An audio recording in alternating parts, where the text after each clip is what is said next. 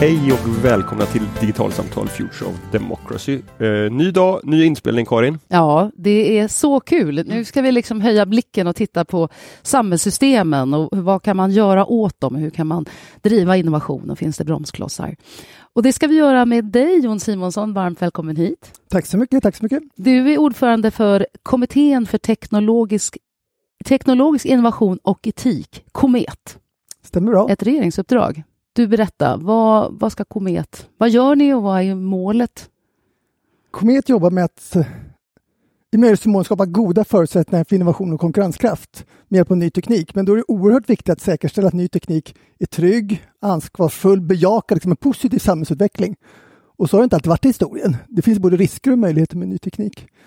Och det ska vi försöka hjälpa till med. Och det finns ju, Jan Stenbeck sa ju någon gång att, att teknik slår alltid politik och det ligger någonting i det för tekniken verkar en helt annan tidsdimension än förvaltningsutveckling och så ska det vara. Men då måste man, när det är så här kritiska skeden som det är just nu och teknikutveckling går oerhört fort och nya lösningar kan lanseras på, på en dag eller två globalt som kan vara väldigt skadliga. Då måste också politiken på något sätt mer proaktivt förhålla sig till det här. Så det gör Komet, vi hjälper till där. Och en kritisk tid säger du nu, vad finns det för exempel? Ja, det finns mass, inom massvis med områden som samhället är kritiskt. Dels är det naturligtvis en hållbar omställning, att snabbare kliva mot klimatnytta och, och, social balans, men demokratin är hotad. Så det är väldigt, väldigt mycket som sker just nu i samhället. Och teknik kan vara en väldigt stor eh, nytta och möjliggör för en positiv samhällsutveckling, men det finns också stora risker. Och det där måste både politiken lära sig dra nytta av, men också liksom vara mer, ha mycket mer förståelse kring. Så det är väldigt mycket att göra här. Men, men teknik har hjälpt människan genom årtusenden och ska självklart fortsätta göra det. Men riskerna är lite högre nu, men möjligheterna är också jättestora. Första gången jag lyssnade på dig var på ett evenemang som heter Stora framtidsdagen, eller Framtidsdagen 2019. Okej, okay, ja. Eh, och där pratade du bland annat om Agenda 2030-målen. Mm. Och så sa du fritt citerat att för att kunna uppnå de här målen så krävs politiska beslut och beteendeförändringar. Mm. Men också att vi blir bättre på att använda ny teknik. Mm. Kan du så här tre år senare utveckla det resonemanget? För jag har haft en anteckning om det där, att jag skulle vilja hö höra vad, du, vad, vad det är du ser, hur, hur det här hänger ihop. Den stora utmaningen är ju inte i sig utvecklingen av ny teknik, utan det är den trygga och, och bra spridningen och användningen av ny teknik. Och det är där man måste liksom kroka arm. Akademi som liksom jobbar med den tyngsta utvecklingen, sen där näringslivet kommer in och ser nya bra kunderbjudanden och nya hållbara lösningar som attraherar duktiga medarbetare. Men offentlig sektor måste ju vara med på banan. Liksom. Och tittar man på väldigt många av de här satsningarna som sker i norra Sverige på massvis med andra ställen idag så så hinner liksom inte offentlig sektor med. Tänker du på Northvolts investering? Ja, Northvolt eller, eller Hybrid eller... Ja, men det är den typen av stora näringsliv. Nej, det kan också vara Fredrika Gullfot som försöker skapa ett bolag med, som, som jobbar med, med, med alger, Simris alg. Och hon säger att alla myndigheter vill oss väldigt väl, men inget tycker vi ligger på deras bord. Och då kan inte hon sälja sina omega-3 kosttillskott utan får sälja dem i Sydkorea och USA för Sverige klarar inte av att hantera den tillståndsprocessen. Så det är från det minsta till det största. Och det, det, den gemensamma nämnaren för allt det här nya är att ny teknik är kombinationer av befintliga grejer. Och det gör att, att strukturerna är byggda efter traditionella sätt att dela in det. När man skapar liksom grejer som ligger på toppen, inte en naturlig hemvist, då tar det väldigt lång tid för en offentlig förvaltning att reagera. Och då har det med stuprörsstruktur och förvaltningsstruktur att göra. Du nämnde, eller rättare sagt du nämnde Anders, beteendeförändringar. Ja. Eh, det blir man nyfiken på. Vad, vad, tänker du på när du säger beteendeförändringar? Grunden är ju hur, hur regeringen fungerar. Regeringen eh, fattar bara konsensusbeslut. Alla ministrar ska vara överens, annars fattas det inget beslut. Och det får konsekvens att hela regeringskansliet och alla departementen, det är bara en stor förhandlingsorganisation för att komma fram till gemensamma beslut. Annars blir det inga beslut helt enkelt. Då. Och hela regeringskansliet är riggat för att göra saker på rätt sätt. Så saker och ting får inte göras fel. De högsta hönsen på varje departement som inte är politiker, det är en jurist. Och den personen ser, som har som yttersta mål att vi ska följa lagen. Och så ska det väl självklart vara. Liksom. Men det betyder att man fokuserar 100% på att göra på rätt sätt. Då kommer man inte göra rätt saker. Det finns inget direkt samband där. Liksom. Så på något sätt måste man ju fundera på, okej, okay, men hur ser vi verkligen till att göra rätt saker? Och då gäller det att lyfta blicken och då måste man lyfta blicken till samhällsnivå. Titta på omställningsprocesser, en tryggad välfärd, bra, bra äldreomsorg hållbara, smarta liksom, industriella lösningar. Men det är inte så på det sättet som, som, som samhället och statsförvaltningen styrs, utan det styrs liksom botten upp utifrån specifika sakfrågor. Nu får du hjälpa mig Karin, men det här påminner om ett samtal som vi hade på Future Democracy i höstas. Som, där det var någon av gästerna som pratade om att vi behövde provtrycka lagstiftningen mm. mycket, mycket mer aktivt. Ja, Cecilia Magnusson Sjöberg, professor i rättsinformatik, eh, som ändå har jobbat med det här sedan 90-talet. hon vill ju utmana lagstiftningen, mm. sån, sån jurist hon är.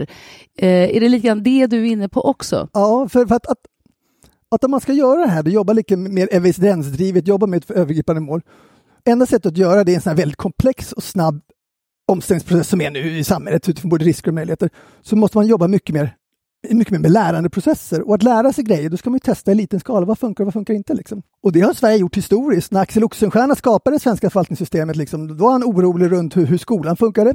Han lät biskopen i Västerås bygga skolor och testa, liksom. det blev bra skala upp till hela Sverige.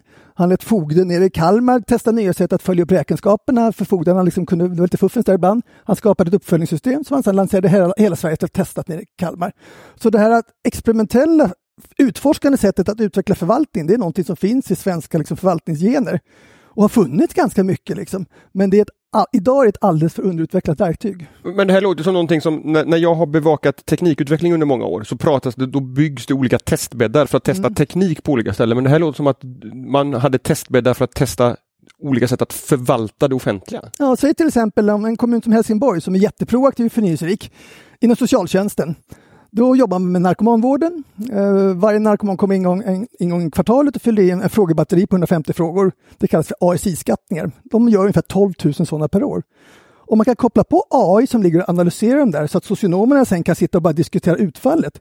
Ni kan ju tänka er vad fokus läggs på, det, det, det som skapar förbättring istället för att socionomerna ska sitta och, och, och liksom bearbeta all den datan. Men får man använda AI i sådant syfte, är det okej? Okay, liksom? Det finns ju ingen som kan ge svar på det här. Då måste man ju kunna testa. Någon kommer ju våga testa Eh, och Palle Lundberg då, som är kommunchef, han vågar det. Liksom.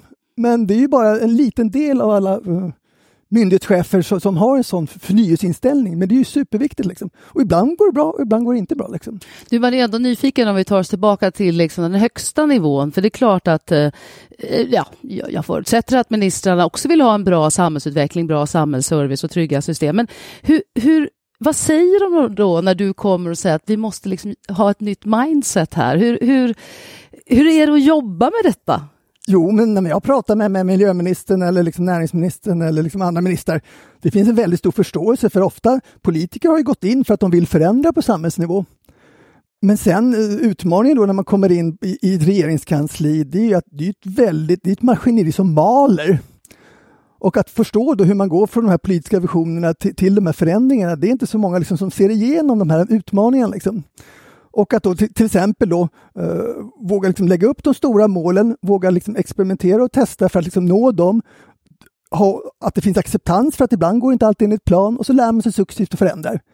Eh, det, när de flesta jurister jobbar, då vill man liksom samla på sig ett fullödigt beslutsmaterial, massvis med analyser och sånt Eh, göra remissförfarande. Det tar två, tre, fyra, fem år och så ändrar man en lag och så tror man att den håller. Problemet är ju nu att om man jobbar på det sättet. Eh, I Komet sitter en, en av domarna i Högsta domstolen, Högsta förvaltningsdomstolen sitter med i Komet. Hon var tidigare generaldirektör på Datainspektionen. Hon gav ett jättebra exempel. Vi utvecklade en ny lagstiftning kopplat till kameraskydd och integritet enligt alla gängse regler. Vi sjösatte den lagstiftningen och efter ett år var hela det regelverket obsolet. Därför att teknikutvecklingen hade sprungit Det sprang ifrån och de hajade inte det. Myndigheten såg inte de här förändringarna och enda sättet att se sådana förändringar det är att myndigheten då har händerna i myllan på något sätt och känner av och snackar med teknikföretag och entreprenörer.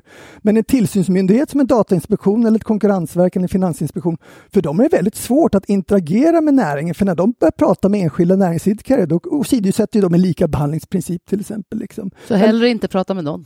Ja, men de, ah, många ser det ju här att man måste hitta nya arbetssätt, men då krävs det också att, att processerna för att utveckla regelverken är mycket mer stegvis, mycket mer utforskande. Och så funkar inte svensk författningsutveckling, utan det är en ax till limpa-process istället för en cyklisk process. Du säger att svensk i Sverige fungerar det inte på det sättet. Finns det exempel utomlands som har riggat det här på andra sätt som du känner till? Ja, EU-kommissionen till exempel, när de utvecklar nya regelverk, det är ganska ofta man skriver in det i ett nytt regelverk, till exempel AI Act som kommer att landa, att man ska se över det här regelverket efter fem år för att liksom få en lärande och, och tweaka det, eller GDPR eller upphandlingsregelverk. Liksom. Så EU skriver in lite mer av det här cykliska tänket, att det går inte att tro att ett regelverk håller för ev evighet, utan man måste liksom få in det i en, en implementerings och utvärderingsfas, en förbättringsfas. För, för när, I näringslivet när man pratar om teknikutveckling så har man på senare år börjat prata väldigt mycket om en iterativ utvecklingsprocess, att göra korta sprintar och sen testa. Och så, alltså det, det låter som att på, på samma sätt här, liksom att man behöver för, snabba på. Ja, är, man måste skapa den här försökskulturen. Liksom. Och försökskulturen bygger på, på ledarskapsmod och lägg, bygger på att man klarar av att hantera misslyckanden. Och media måste då förstå att vad är ett misslyckande egentligen? Oh, det, det, det, det är ett kunskapsbyggande. Och vad, vad, som kan te sig som ett bortslösande av pengar, är det det? Nej, det, utan det är investeringar liksom för att förstå vad som funkar och inte funkar. Och det där blir väldigt svårt i medial och politisk kontext att hantera sådana grejer. Så det är ju, och, och, och då också, ja, Ja, för det offentliga samtalet är inte riktigt... Det är inte tvikat på det sättet. Nej. Så det är jättesvårt mm. att, att liksom hamna i de här typen av disku, disk, diskussioner. Eh, Vilket hela, det hela bygger på, som du sa, liksom, det agila arbetssättet bygger på ett öppet lärande. Men det finns jättebra exempel på där det har skett i förvaltningen. Tänk till exempel, alla fall när jag var ung, då var det ganska ofta som stridsflygplan störtade i backen. Liksom. Och lite machokultur bland stridsflygarna. Liksom. Nu störtar inga stridsflygplan. Och det berodde på att försvaret gjorde en hel kulturändring. Istället för att vara macho så började man dela med sig av all den kunskap och liksom hade en ödmjuk och lärande kultur och svängde om. Det. Så istället för att hålla på det, med sina misstag så var man helt öppen med sina misstag. Och då fick man en helt motsatt effekt. Att då byggde man hela tiden ett lärande, man bygger in trygghet i system och nu slår inga flygplan backen längre. Liksom. Så det finns ju sådana här kulturförändringar, men att skifta så, det tar ju liksom, det är tio år. Det är som Skatteverket. De var inte världens mest populära myndighet för 10-20 år sedan. Men de är superduktiga på att göra det enkelt för oss medborgare att deklarera. De gör det enkelt för företag. De vågar släppa betaprogram betaprogramvara på sina deklarationstjänster. Liksom. Det är klart, om myndigheterna gör sådana förändringsresor så kan det bli väldigt bra och det är många som gör det. Men det krävs att det är väldigt modiga generaldirektörer och riskerna är ganska höga för generaldirektör för det, man kan få sparken liksom, om det medialt blåses upp att man har gjort ett misstag som kanske var ett försök men som kanske blir tolkat på andra sätt. Jag tänker på eh, liksom insikt och kunskap på det här området. Eh, jag hörde näringsministern säga, som har stora frågor i sin portfölj, att energifrågan som man ansvarar för, den är överpolitiserad. Digitaliseringsfrågan, den är underpolitiserad. Och jag tolkar det som att det finns ett för lågt politiskt engagemang i det sistnämnda. Är det din uppfattning också? Ja, det, jag tror, utifrån mitt perspektiv som gammal IT-entreprenör och, så, och jobbat i regeringen i kansliet i tio år så Digitalisering är helt osexigt och, och förvaltningsutveckling är också helt osexigt. Liksom. Det, det, det, dels är det svårt att förstå, det är svårt liksom att se och vrida ner till, till medborgarnytta och det finns rätt mycket risker. Liksom. Så, och tyvärr är det så, för det är, men de två områdena är supercentrala för att, att skapa ett tryggt och bra samhälle framöver. Liksom. Både för att ställa om mot hållbara lösningar men också för att se till att demokrati och välfärd funkar. Liksom. Och det är lite synd att det är så. Men när du pratar om risker, vad skulle du säga, vad är då de stora riskerna? Och de stora riskerna är att det fortsätter som nu. Liksom. Och den nuvarande man, ofta när man tänker på, på teknikutveckling och, och investeringar och sånt, så ser man att, att, om man inte gör någonting så fortsätter det som nu. Men problemet är att om man inte gör någonting då blir det bara sämre och sämre. Mm. För andra gör mer och då blir de bättre. Men det borde ju vara en risk som politiker vill undvika och snarare sätta fart på digitaliseringen i så fall. Ja, men det är svårt att göra politik på det. Liksom.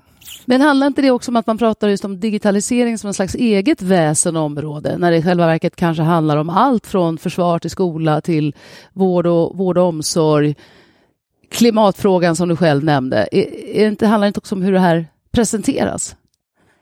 Ja, du har ju 100 procent rätt. Att frågan är, och det är det när man, för att man ska närma sig det här så måste man lyfta, lyfta sig till, till de, de målen som är relevanta. Och I svensk grundlag står det till exempel att, att, att, att, att eh, regering ska verka för hållbarhet för nuvarande och framtida generationer.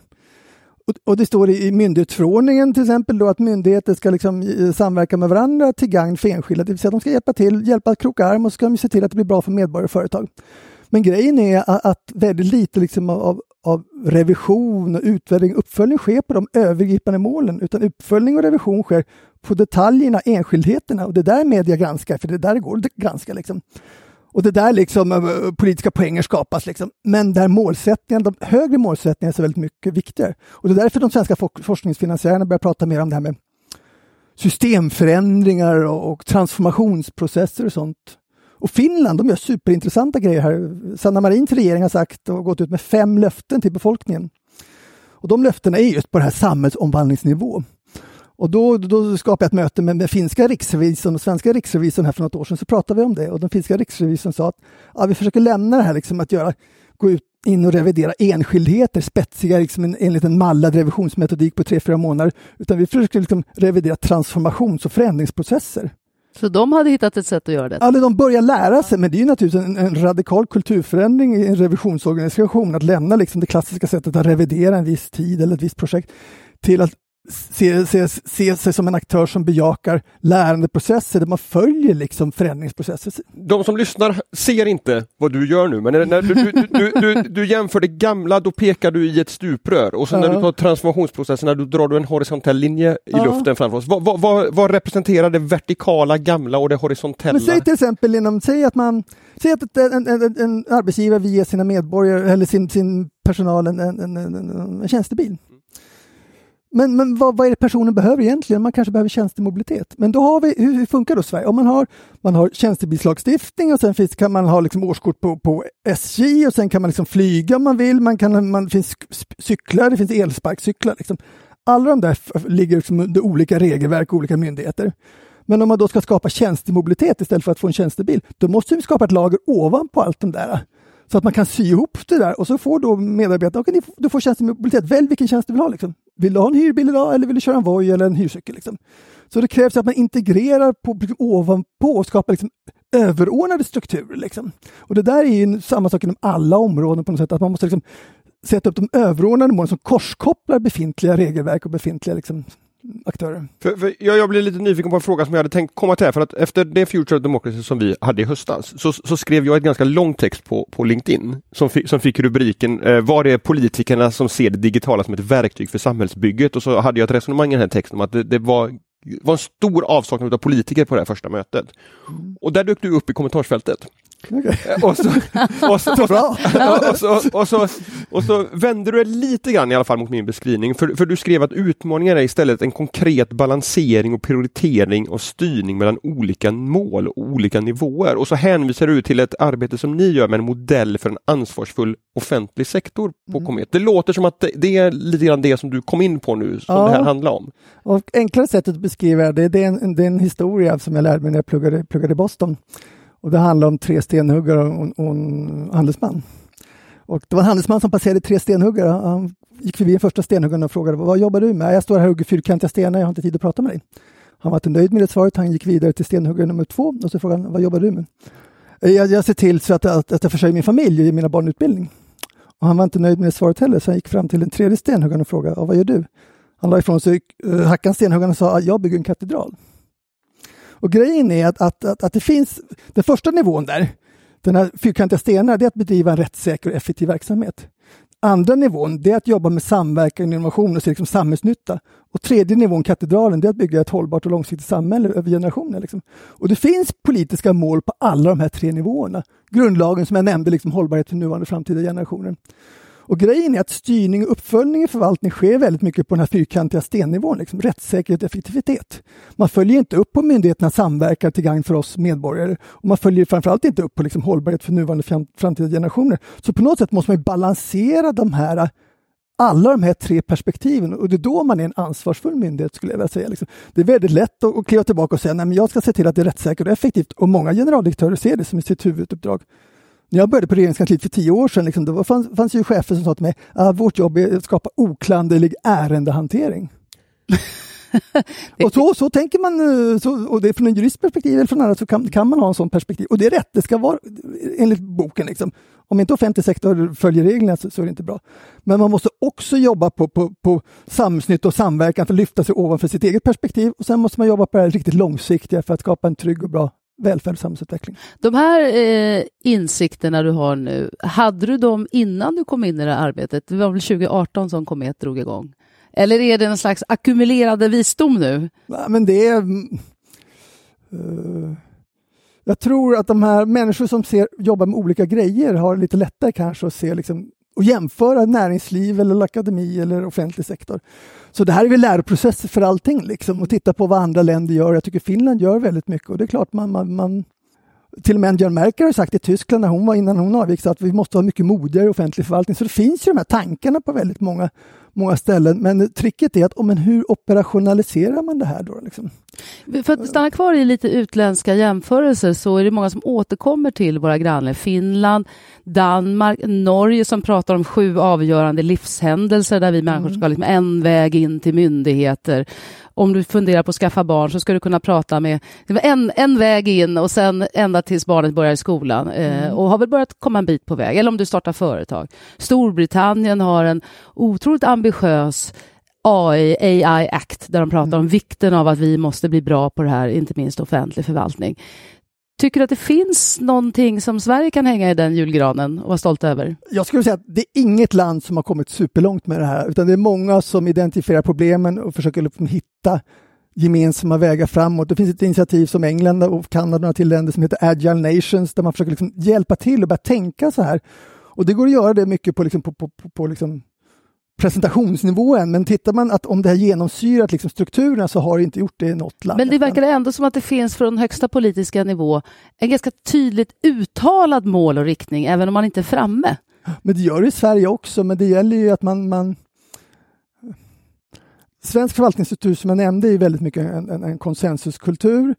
Vi har väldigt, det finns väldigt mycket makt distribuerad till våra 400 myndigheter ungefär. Och att ställa om ett land som Sverige, det kan, gå, det kan ta väldigt lång tid, men om man skapar en gemensam förståelse och probleminsikt och samsyn runt de här utmaningarna, då kan Sverige ställa om väldigt, väldigt fort också. Så vår samhälls och förvaltningsstruktur har stora fördelar. Eh, men det gäller liksom att, att få den samsynen och samförståelsen. Mm. Och, och, också förstå det, okay, hur operationaliserar vi det? Hur följer vi upp alla de här tre nivåerna? Uh, hur gör Riksrevisionen, hur gör Ekonomistyrningsverket, hur gör Statskontoret, de här myndigheterna som ser till att saker och ting ska ske på ett bra och effektivt sätt. Liksom. Så det är väldigt viktigt liksom, att få de här Och här, den här visionen då, eller mål, hur långt ifrån det är vi idag? Ja, det är en rätt bra bit kvar att gå. Uh, och, men det sker, jag tror det finns mycket, det finns kanske en, en, en drygt handfull länder ute i världen som man kan inspirera sig från som vågar, vågar göra lite modiga saker och det finns många modiga saker i Sverige också. Men kanske framförallt på kommunal och regional nivå tror jag. Men till exempel i, i Estland så, så ville man, hade man problem med fortkörning. Mm, det hjälpte liksom inte att höja böterna, det var ingen som körde långsammare för det. Liksom. Och då införde man kvarsittning på vägkanten som straff istället, liksom, för att testa. Sen visade det sig efter när man undersökte det att det var inte riktigt lagenligt, men man testade liksom. Mm. och det var ju modigt. Och det finns massvis med sådana exempel där man vågar testa i Sydkorea. Uh, om ett företag vill köra ut, använda AI på något nytt sätt. Liksom. Och är lite osäker på vad gäller för regelverk här, då kan man skicka en förfrågan till regeringen om regeringen inte svarar inom tre, fyra månader, då okej att köra. Liksom. Så man, en del vågar liksom kasta om kuttingen. Liksom Danmark så har man ju, inom, inom skola och omsorg så har man tagit bort regelverken på kommunal nivå så kommunal, kommunerna får testa att göra som de vill ett antal år för att liksom utveckla verksamheten. Mm. Så vissa länder har vågat ta lite drastiska beslut. Men Komet jobbade mycket just med att föreslå det här med försöksverksamhet och experiment. Ja, ni hade något som hette till och med försök, ja. där man skulle då främja innovationskraft och låta uh, lite grann flera blommor få blomma. Ja. Vad hände med det? Det har tillsatts en, en, en kommitté som börjar nosa på de här frågorna, just försöksutredningen, efter våra förslag. Det var Tillitsdelegationen och vissa andra som, som lämnade förslag där också. Men det är det här med experiment och sånt när man pratar i politisk samhälls... Det är inte så lätt, liksom, utan vi har försökt prata om kanske mer det med typ regulatoriska växthus. Utomlands pratar man om regulatory sandboxes ganska ofta. Liksom. Men ett växthus är en ganska bra metafor. Att Säg att en kommun skulle vilja testa något nytt, liksom, att transportera eh, blodtransfusion med drönare. Liksom. Okay, låt, man, låt, låt, man, låt dem testa den här kommunen under välkontrollerade former. De myndigheter som är berörda är involverade. Det är fullt transparent hur man gör det. är transparent in i växthuset. Man kör det under två år, så testar man. Liksom. Och så kanske man säger att vi skulle behandla de här regelverken. Då. Så att man skapar sådana möjligheter att testa verkliga lösningar i verkliga miljöer helt enkelt. Liksom. Och det där är ju svårt i en svensk politisk kontext. Kan man särbehandla en kommun jämfört med andra kommuner? Så, så mycket i förvaltningssystemet är inte alls byggt för det där. Men det kan man komma, uh, komma, komma runt till exempel. Då. För ett år sedan föreslog vi regeringen att man skulle liksom skynda på tillståndsprocesserna för elledningar. Uppe i Norrland behövs jättemycket ny el på många ställen. Och det är svårt för myndigheten att utveckla nya processer. Eh, för när man vill utveckla något nytt vill man gärna kunna testa också. Liksom. Eh, och, och, då föreslog vi regeringen att man skulle ge ett uppdrag till Lantmäteriet, och Energimarknadsinspektionen och Svenska kraftnät och ett antal länsstyrelser och ge dem möjlighet att välja ut några ärenden. Och det är superkänsligt att välja ut några specifika ärenden och diskriminera då indirekt andra och verksamhetsutveckla på de ärendena samtidigt som de handläggs verkligen också. Då. Och samtidigt utvecklar man de generella processerna myndigheterna emellan. Så då, men då sa vi, men regeringen skulle kunna definiera vissa kriterier för hur man väljer de här ärendena och då kan då myndigheterna sedan med gott minne välja ut vissa elledningar helt enkelt. Då. De ska uppnå klimatnytta, de ska bidra till konkurrenskraft, de ska vara jämnt distribuerade över Sverige och kanske något till kriterium. Liksom. Och sånt beslut fattade regeringen sen då efter eh, fyra månader, det gick ganska fort. Och nu jobbar man med det liksom och, och skapa, så det går ju att skapa förutsättningar men det krävs ju lite okonventionella sätt att närma sig liksom de här utvecklingsprocesserna.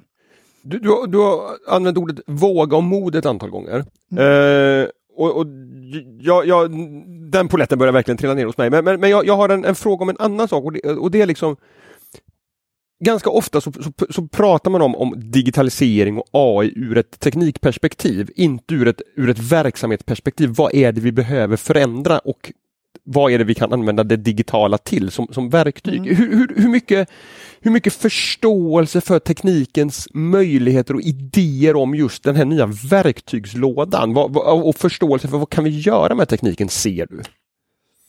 Uh, jag tror typ, inom alla områden så behöver alla förstå mycket mer för det händer och går så oerhört fort. Mm. Men framförallt, vi har gjort undersökningar både mot alla eh, 200 myndigheter, massa kommuner och också mot riksdagen och lyssnat liksom hur de ser på ny teknik. Och det finns generellt sett en stor förståelse runt att teknik kommer påverka samhället väldigt, väldigt mycket. Och när vi skickade förfrågan till riksdagen så frågade vi just runt det här med försöksverksamhet och, och väldigt många tyckte att det är bra, man måste skapa möjlighet att kunna testa ute på kommunal nivå och sånt inom äldreomsorg eller liksom, inom transport eller vad det kan vara. Liksom. Så det finns den grundläggande förståelsen.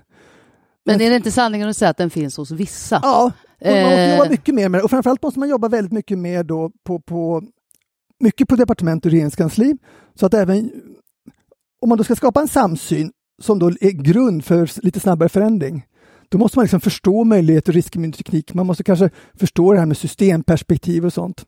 Och det lämnade vi ett förslag till regeringen alldeles innan jul. Vi, vi såg en jättebra idé i England där Engelska ingenjörsvetenskapsakademin skapade något som kallas för Policy Fellows. Och det var en möjlighet för, för seniora människor på departementen och på myndigheterna att, att komma in till en ingenjörsvetenskapsakademi och kunna nätverka med dem och prata med experter runt, inom energi eller kanske inom liksom cirkulära processer eller någonting. Liksom. Och få, få kontakter ut till hela den kunskapsbasen och samtidigt kommer ju då naturligtvis liksom de som jobbar med den här typen av teknikutveckling förstå hur förvaltningen funkar. Och så skapar man ett, liksom ett nätverk och möjlighet. Och där har föreslaget pratat med, med vdn på IVA, Ingenjörsvetenskapsakademin, Jag gör samma grej.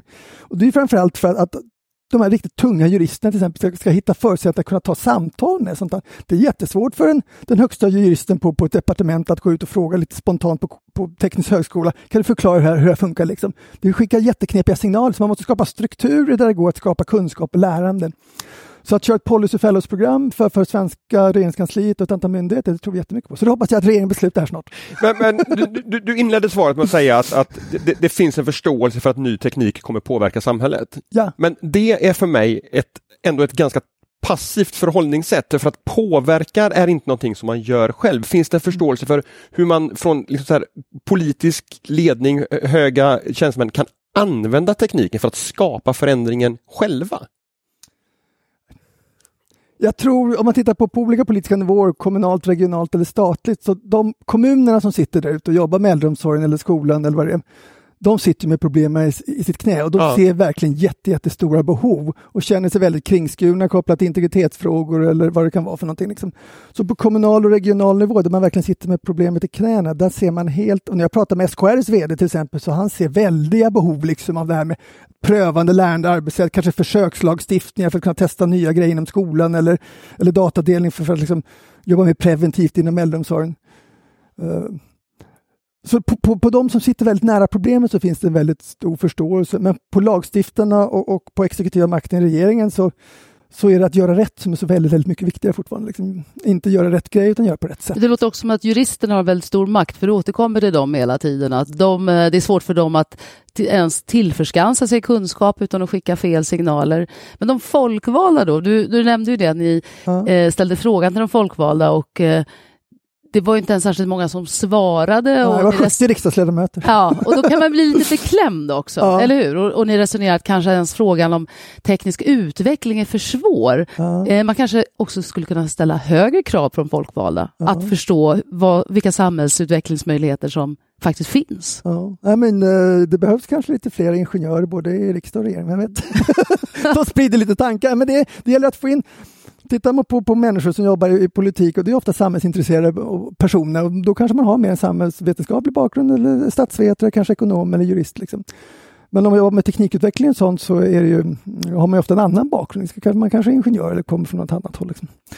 Och det gäller att få de här korskopplingarna och liksom kompetensövergångarna. Det var precis vad Cecilia Magnusson Sjöberg säger, liksom, att, att, att, juristerna måste förstå teknik och teknikerna måste förstå juridik och de här måste sam, börja samarbeta tidigt i olika former av förändringsprocesser.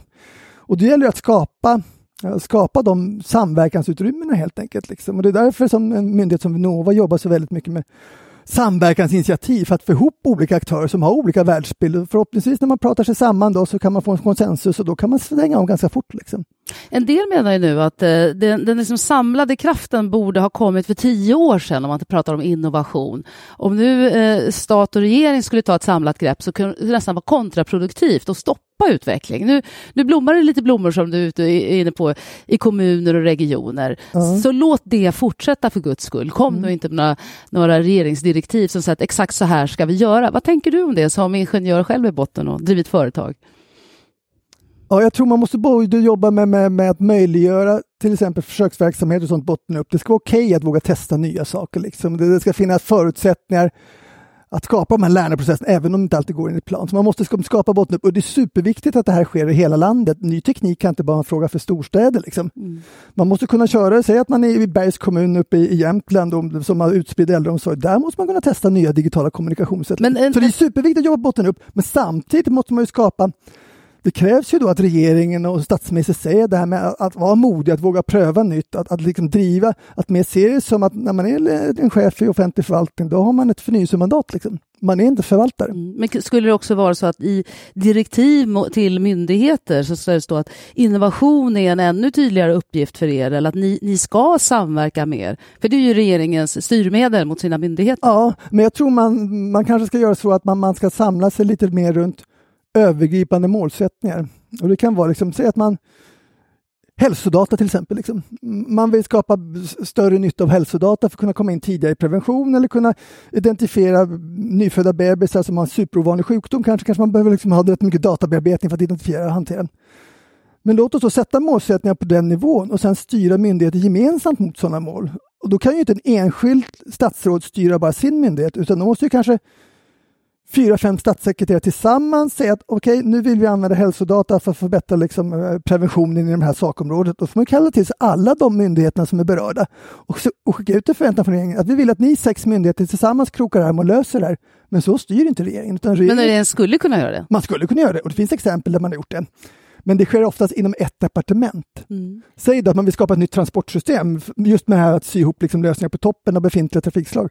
Då måste både näringsdepartementet, och infrastrukturdepartementet, justitiedepartementet och miljödepartementet kroka arm liksom, för att mm. få till det där. Så då krävs det mycket mer av, av samverkan, samverkan inom regeringskansliet och det är rätt knepigt att få till. Liksom. Just det, men det är knepigt att få till. Vad jag är ute efter är att det är, det är fullt möjligt, det är möjligt, apropå politiskt ledarskap. Ja. Om man verkligen ville så skulle man kunna imorgon, krasst, om det inte är en brinnande fråga, samla de här departementen, de här statssekreterarna och säga det här är vad vi vill att ni ska jobba och det, med. Det har regeringen gjort på vissa sätt också. Regeringen, statsministern Löfven hade sitt innovationsråd, de samlade akademi, offentlig sektor och näringsliv och försökte identifiera utmaningar och det var därför Komet skapades Just för att där diskuterade man den här utmaningen när inte offentlig sektor riktigt var med i samma förändringstempo som resten av samhället. Men finns det någon Så risk... det finns konkreta exempel. Jag förstår, men finns det en risk också att det här lite projektifieras? Eh, för Komet har ju också ett tidsbegränsat uppdrag, att man förlitar sig på att ge järnet några år, och sen har vi liksom löst det. Är det inte en risk med att man tänker att det här är ett projekt, innova, eh, innovationsrådet lades ner, och ja. antagligen inte för att vi hade nått vägs ände eller innovation, ja. men att vi har en liten kultur av att vi, då tillsätter vi en utredning eller en kommission och så ger vi dem ett mandat ett tag. Men samtidigt så det här att liksom tro att man ska skapa liksom ett väloljat maskineri i förvaltningen. Det tror jag är en väldigt farlig tanke. För det är en väldigt statisk tanke, för när man väl har skapat maskineriet, då är det väldigt svårt att ställa om maskineriet. Så man måste även se förvaltningen mycket mer som en som en iPhone. Man har en väldigt, väldigt stabil plattform och sen skapar man temporära appar på toppen av det. Liksom. Mm. Så måste man se på, också se på förvaltningen. Och då kanske Komet är en, en, en, bra app som ligger där under ett antal år och försöker få en förändringsprocess. Sen behövs det något annat. Liksom. Det är samma sak med Fossilfritt Sverige liksom, och Svante Axelsson som mm. mobiliserar kraften runt klimatförändringar. Det behövs såna små appar som funkar liksom, och, och faciliterar och smörjer upp systemet. Men, jag tycker jag vårt eh, system är bra i, stora, i väldigt stor utsträckning. Vad jag, vad jag fick efter lite grann att eh, appen är fantastisk så länge den finns. Ja. Och sen kanske man tänker att man har löst ett problem och så tappar man kontinuiteten. Ja, men då förhoppningsvis då, så har man så pass kontinuitet så, så när de här apparna liksom pekar vidare på andra grejer. Så det gäller att skapa den här dynamiken hela tiden och se okej, okay, men vad behövs nu då? Mm. Och det är ju grunden i ett agilt iterativt arbetssätt, att man hela tiden måste ändra. Så att skapa ytterligare stela strukturer Uh, nej, jag tyckte det var fint att du sa svensk förvaltning som en iPhone. Jag har aldrig hört den liknelsen förut. Den var, den var ny för mig också. Jag, jag gör en annan reflektion här Jon. Uh, vi, har, vi har pratat ganska mycket om problem och utmaningar, om bristande mod, en strävan efter att göra rätt snarare än att, att, att åstadkomma liksom förändring, om, om stuprör istället för horisontell samverkan och, och en del annat också. Men du gör det här med väldigt mycket energi. Mm. Vad kommer det sig? När, när, när vi liksom ändå hamnar i en, en massa utmaningar, var, var, varifrån kommer all energin i detta? Nej men att vara en civil servant som det heter liksom på engelska, att tjäna liksom folket och se till att det blir bra grejer i samhället. Det är ju, plötsligt, det är ju superenergi. Det finns ju inget som är mer energigivande egentligen. Liksom. Och sen har ju svensk, svensk förvaltningskultur är väldigt bra och väldigt fin. Folk är väldigt stolta liksom, gör ett bra jobb.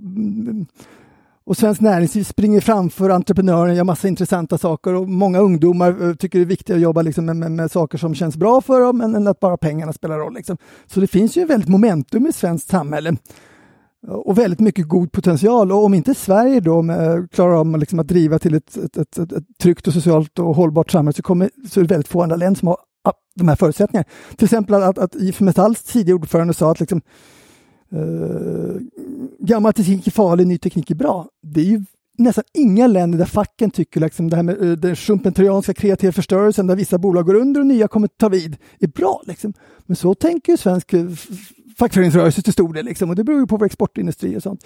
Så vi har unikt goda förutsättningar tillsammans med andra, våra kollegor i Norden och, och Tyskland och till liksom att att ställa om och liksom bejaka det här. Och det finns väl inget mer som är mer intressant att göra. Nej, för det var det jag var ute efter, att, äh, att, att det kan finnas en stolthet i att vara en civil servant räcker ju inte, tänker jag, utan det måste finnas du, du, det finns ändå positiva signaler runt omkring här som du ser. Ja, och man måste skapa nya, nya verktyg och nya arbetssätt. Och som jag nämnde, Axel Oxenstierna hade sådana verktyg. Liksom. Men det är någonting där, där, där riskaversionen i offentlig förvaltning på grund av media och, och, och politiserad politik och sånt har blivit, äh, har blivit, riskaversionen har blivit högre helt enkelt. Så eh, det krävs ju lite förändringar. Eh, apropå förändringar, om vi går tillbaka till välfärden och inte minst vården, så är det många som är väldigt oroliga för att de inte om vi, det finns så stora utmaningar att bara få liksom arbetskraften att räcka till, en demografisk utveckling och här är innovationskraften inte särskilt stark. Mm. Eh, och, och, de stora dysterkvistarna säger att men, eh, man riskerar tilltron till den generella välfärden om vi inte lyckas bättre. Mm. Och du var inne på att innovation måste kunna finnas överallt, till och med i Bergs kommun. Men, mm. men sanningen, ja, och kanske framförallt där. Men sanningen är också den att resurserna är ojämnt fördelade, kompetens, ja. skatteunderlag, vad du vill. Eh, ser du också den här risken, alltså lite grann om man så att om vi inte löser detta, vad, vad står på spel? Ja, kolla på gula västarna i Frankrike eller vad som hände med Brexit och Trump. Allt det bottnar ju i folkliga missnöjen. Liksom. Och de triggas ju ofta av, av, av vissa samhällsförändringar så, som där människor känner att det hotar deras liksom, liv och existens. Så om man liksom inte beaktar liksom, ansvarsfull teknikutveckling, beaktar att alla kommuner måste kunna testa och pröva nya grejer, liksom, att man får med sig medborgarna på en sån här förändringsresa som det här är, då är ju riskerna dramatiska. Liksom. Och många, demokratin, att demokratin är så hotad nu, det beror ju på att det har varit de här riktiga liksom, backlashen i många, många länder och till viss del i Sverige också. Liksom. Uh, så det här är ju liksom grunden i ett, en, en trygg samhällsutveckling, att vi fortsätter liksom ha ett positivt inkluderande samhällsklimat. Liksom. Och det är till exempel nu med alla de här unicorns i Sverige, de här entreprenörerna som är superframgångsrika och så. Liksom att de ser sitt ansvar och bidrar liksom till en positiv samhällsutveckling. Som Niklas Adelbert som sitter med i, vår referensgrupp liksom, som har skapat Norrsken. Eh, man måste liksom vara med och bejaka en positiv samhällsutveckling och som Wallenberg har gjort i hundra år och massvis med andra. Liksom.